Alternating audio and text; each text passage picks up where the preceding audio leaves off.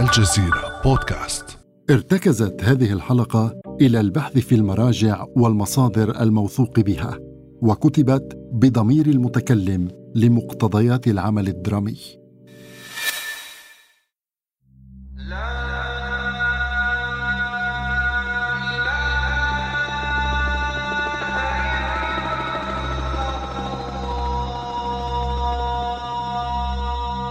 هيا بنا يا أبنائي.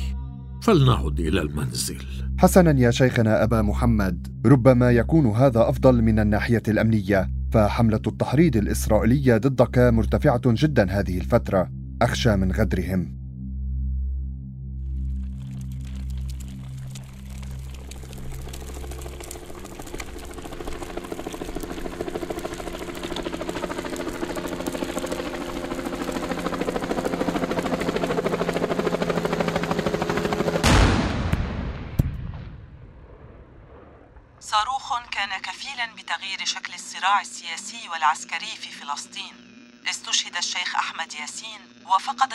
وفقدت المقاومه الفلسطينية أيقونتها. كونوا معي لتتعرفوا إلى نضالي ومقاومتي. من زمن الطفولة والهرولة بالقدمين الحافيتين على رمال عسقلان إلى الكرسي المتحرك الذي أرعب الاحتلال الإسرائيلي. من تأسيس حركة حماس إلى حلم الشهادة الذي تحقق. استمعوا إلى حكايتي في بودكاست رموز من الجزيرة بودكاست. أقدمها إليكم أنا جهاد ويحدثكم الشيخ أحمد ياسين بصوتي وترافقني في هذه الحلقة. زينة.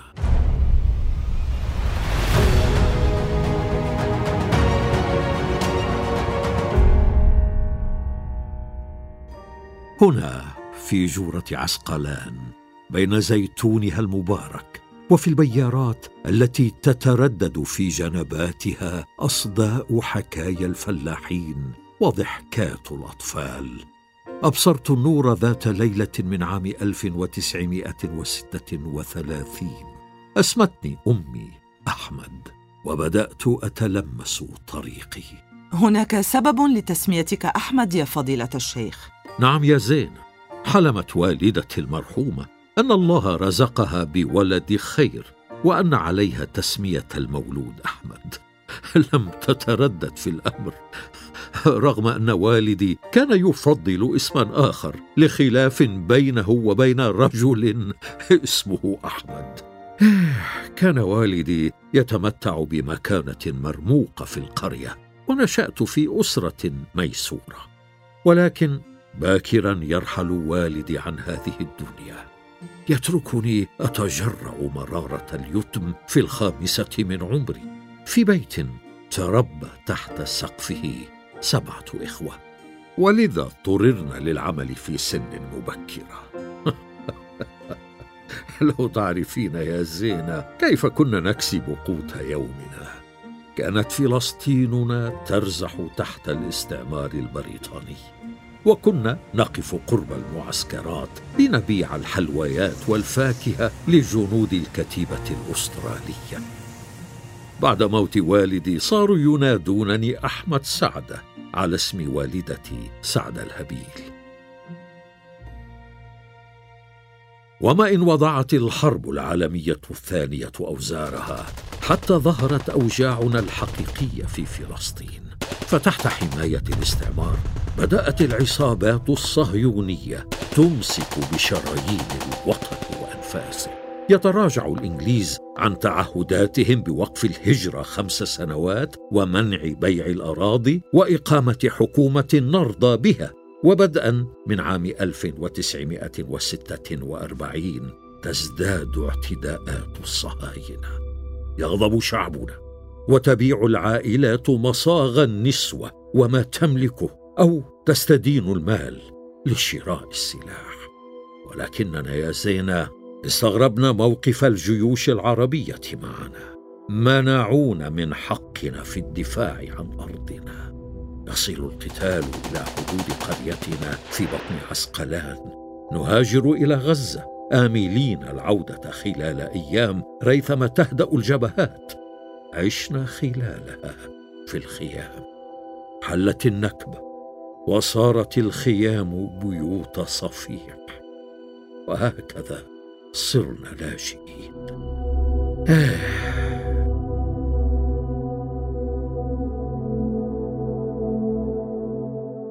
في غزة بدأت العمل في مطعم على الشاطئ يملكه آل أبو حصيرة.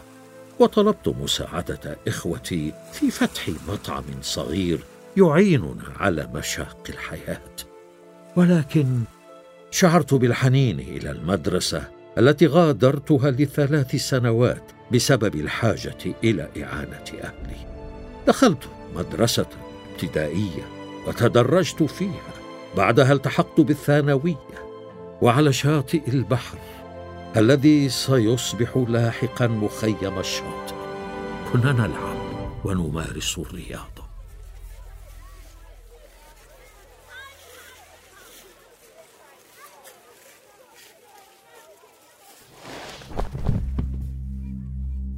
قفزة خاطئة أدت إلى إصابتي بالشلل إلا أنني تمكنت رغم إعاقتي من السير في طريق الجهاد. بمعاونة إخواني ورفاق الأوفياء. وكان كرسيي المتحرك غرفة عمليات تؤرق الاحتلال. ومنذ عام 1952 تدهورت صحتي فخسرت جزءا كبيرا من بصري وسمعي وازداد التدهور لاحقا نتيجة ما ارتكبته الاستخبارات الإسرائيلية. خلال جولات التحقيق الطويلة أثناء اعتقالي حين ذاك كانت المدارس تغلي وتمتلئ بحركات التحرر والتيارات السياسية. وفي سنوات شبابي الأولى كنت أتردد على مساجد غزة التي شهدت في تلك الفترة حضورا كبيرا لوفود الإخوان المسلمين القادمين من مصر لإلقاء المحاضرات. كان المد الناصري في تلك الفترة طاغيا في العالم العربي. فهل أثر عليكم في غزة؟ نعم يا زينة. بعد النكبة وضعت غزة تحت الإدارة المصرية. حيد جمال عبد الناصر الحركة الإسلامية في أول عهده. ثم توترت العلاقات أكثر بعد اعتراض الإخوان المسلمين على اتفاقية الجلاء. التي عقدها مع البريطانيين عام 1954 وهو العام نفسه الذي أعلنت فيه مبايعتي للجماعة. صدر قرار بحظر عملنا في مصر وغزة فانتقلنا إلى العمل السري. عام 1958 بدأت العمل بالتدريس واستثمرت وظيفتي لحض الشباب على المقاومة. بعدها بست سنوات قبلت في قسم اللغة الإنجليزية في جامعة عين شمس في مصر لكن ظروف الاعتقالات التي تعرض لها أنصار الإخوان المسلمين عام 1965 في مصر منعتني من العودة لإكمال دراستي هناك. في الحقيقة يا زينة كنت حينها خطيبا مفوها قادرا على تحريك الجماهير. ما أغضب السلطات المصرية ودفعها إلى أخذ خطوات لردعي. اعتقلتني السلطات المصرية مرتين. الأولى في الخمسينيات. حاصروا منزلا ثم جاءوا إلي في مدرسة الرمال واعتقلوني. أذكر أنذاك أن شرطي الأمن كان متعاطفا مع الإخوان المسلمين فترأف بي وزودني ببطانية تقي جسدي الهزيل البرد القارس. ثم تكرر اعتقالي في نهاية عام 1965 لمدة شهر وأودعت سجن غزة المركزي. لم تخر قواي على رغم ما عاناه جسدي تحت وطأة الاعتقال. عدت إلى الساحات بنفس أقوى. وكانت النكسة عام 1967 هزيمة عربية شديدة كنت آنذاك في معسكر الشاطئ. قوات الاحتلال لم تصل إلينا إلا في اليوم الثالث أو الرابع من الحرب. قاوم شعبنا. وقدم الشهداء لكن مقاومتنا لم تكن بالمستوى المطلوب. ماذا تفعل البنادق التي وزعها المصريون على الناس مقابل الدبابات؟ في الحقيقة لو كانت لشعبنا المعنويات كما في انتفاضة 1987 لفعلنا العجائب لم يوقفني الإحباط واليأس. بدأت في تأسيس نواة صلبة لمقاومة قادرة على التصدي للاحتلال على الجبهات كافة العسكرية والأمنية وحتى الفكرية. أطلقنا الجمعية الإسلامية في غزة عام 1976 لنشر الثقافة الإسلامية في مجتمعنا لتحصينه. ولتعزيز الانضباط الإسلامي بين الطلبة أسسنا الجامعة الإسلامية وبالمناسبة كان اثنان من إخوتي يعملان فيها بوظيفة بستاني لا أكثر بعدها أسسنا المجمع الإسلامي للأنشطة الثقافية والاجتماعية والرياضية. عام 1982 اعتقلني الاحتلال بتهمة حيازة السلاح وتشكيل تنظيم عسكري وحكم علي بالسجن ثلاثة عشر عاما. وبعد ذلك أفرج عني في صفقة لتبادل الأسرى عام 1985 مع الجبهة الشعبية لتحرير فلسطين. القيادة العامة سميت عملية الجليل. وخلالها أطلق الاحتلال 1155 أسيرا مقابل ثلاثة جنود إسرائيليين. لقد حانت لحظة القرار الكبير. بخروجي من السجن أطلقت حركة المقاومة الإسلامية. بدأت القصة بحادثة الشاحنة الصهيونية المعروفة في السادس من ديسمبر كانون الأول عام 1987 شاحنة يقودها إسرائيلي من أشدود. صدم سيارة يركبها مواطنون من أبناء جباليا البلد. كانت متوقفة في محطة للوقود فاستشهد أربعة منهم وجرح آخرون. وبهذه الشرارة اندلعت الانتفاضة الأولى. اجتمعنا مع عبد العزيز الرنتيسي وصلاح شحادة وآخرين وناقشنا كيفية مواجهة التحدي. بادرت إلى الدعوة للانتفاضة لكن انقسمنا بين متحمس للفكرة ومعارض لها خوفا من أن تستغلها قوى سياسية أخرى أو يرد عليها الاحتلال بإلحاق القطاع والضفة بالأردن. لكنني أصررت على الانتفاضة وهكذا كان. لطالما آمنت أن المقاومة هي السبيل العملي الوحيد لرفع الاحتلال عن فلسطين.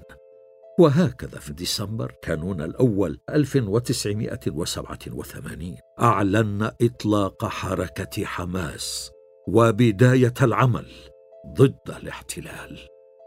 لم يبق الإسرائيليون على وسيلة إلا واستخدموها للقضاء على مقاومتنا. فاعتقلت عام 1991 وحكم علي بالسجن مدى الحياة وبخمسة عشر عاما إضافية بتهمة تأسيس الحركة بجهازيها السياسي والعسكري والتحريض على اختطاف جنود وقتلهم.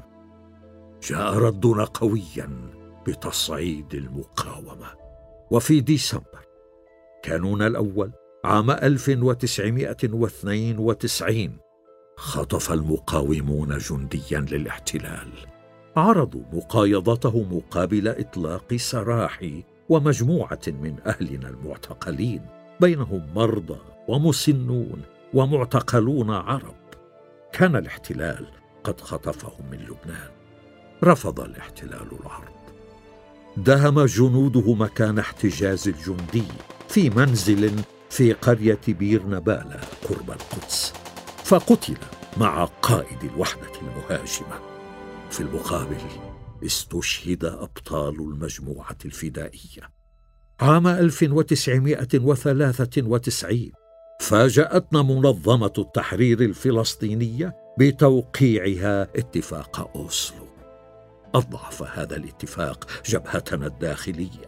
ففيما يناضل شعبنا في خندق واحد ضد العدو تبدأ سلطتنا السياسية التعاون الأمني مع الاحتلال.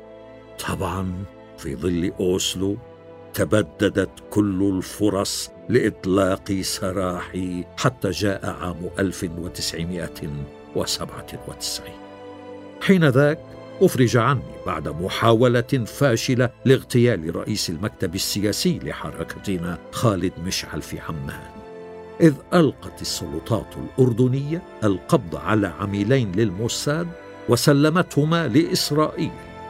فأطلق سراحي مقابلهما كيف أثرت تجربة الاعتقال عليك يا فضيلة الشيخ؟ المؤمن يجد في السجن متعة كبيرة فهو يخلو مع الله سبحانه وتعالى يناجيه ويتعبده وفي السجن أكملت حفظ القرآن الكريم واطلعت على كثير من كتب التفسير والحديث والفقه وأصوله. عام 2000 حصل تطور نوعي في مقاومتكم وكانت الانتفاضة الثانية انتفاضة الأقصى. دنس ارييل شارون ساحات المسجد الأقصى وتوعد بالسيطرة الدائمة عليه فانفجر الغضب الفلسطيني واتسع إلى كامل تراب وطننا. أعدم الاحتلال الطفل محمد الدره فيما كان يحاول الاحتماء بوالده في شارع صلاح الدين جنوبي مدينة غزة. فأصبح بطلا شهيدا ورمزا للانتفاضة الثانية.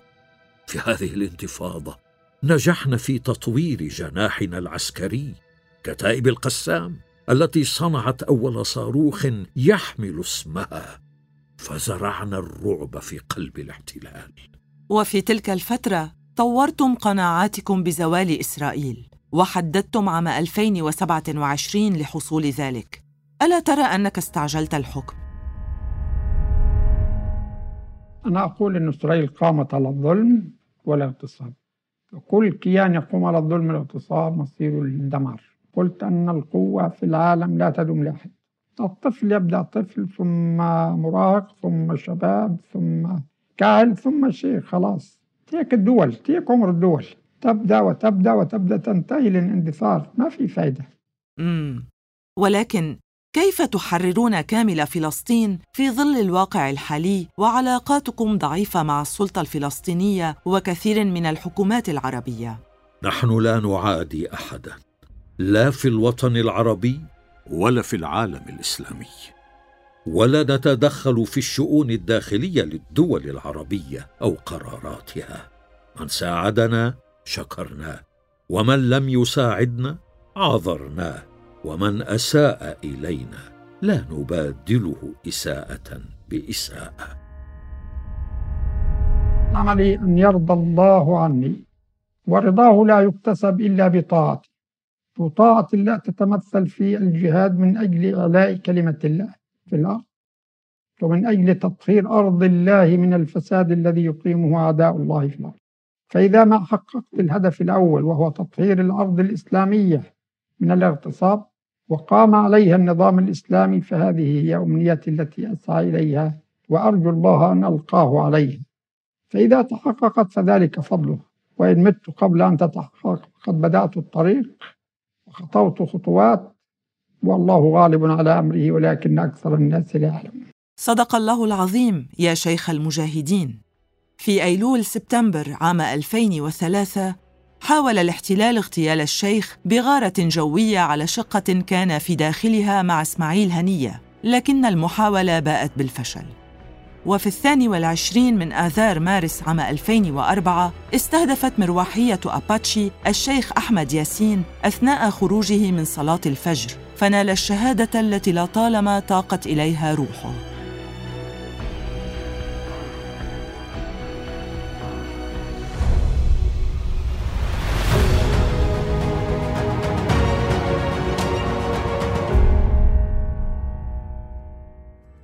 في الحلقة المقبلة من بودكاست رموز سنتناول سيرة رمز آخر رحل وترك أثره في حياتنا. لا تفوتوا حلقتنا التالية ويمكنكم الاستماع إلينا عبر جوجل بودكاست أو أبل بودكاست أو ساوند كلاود. فقط ابحثوا عن الجزيرة بودكاست.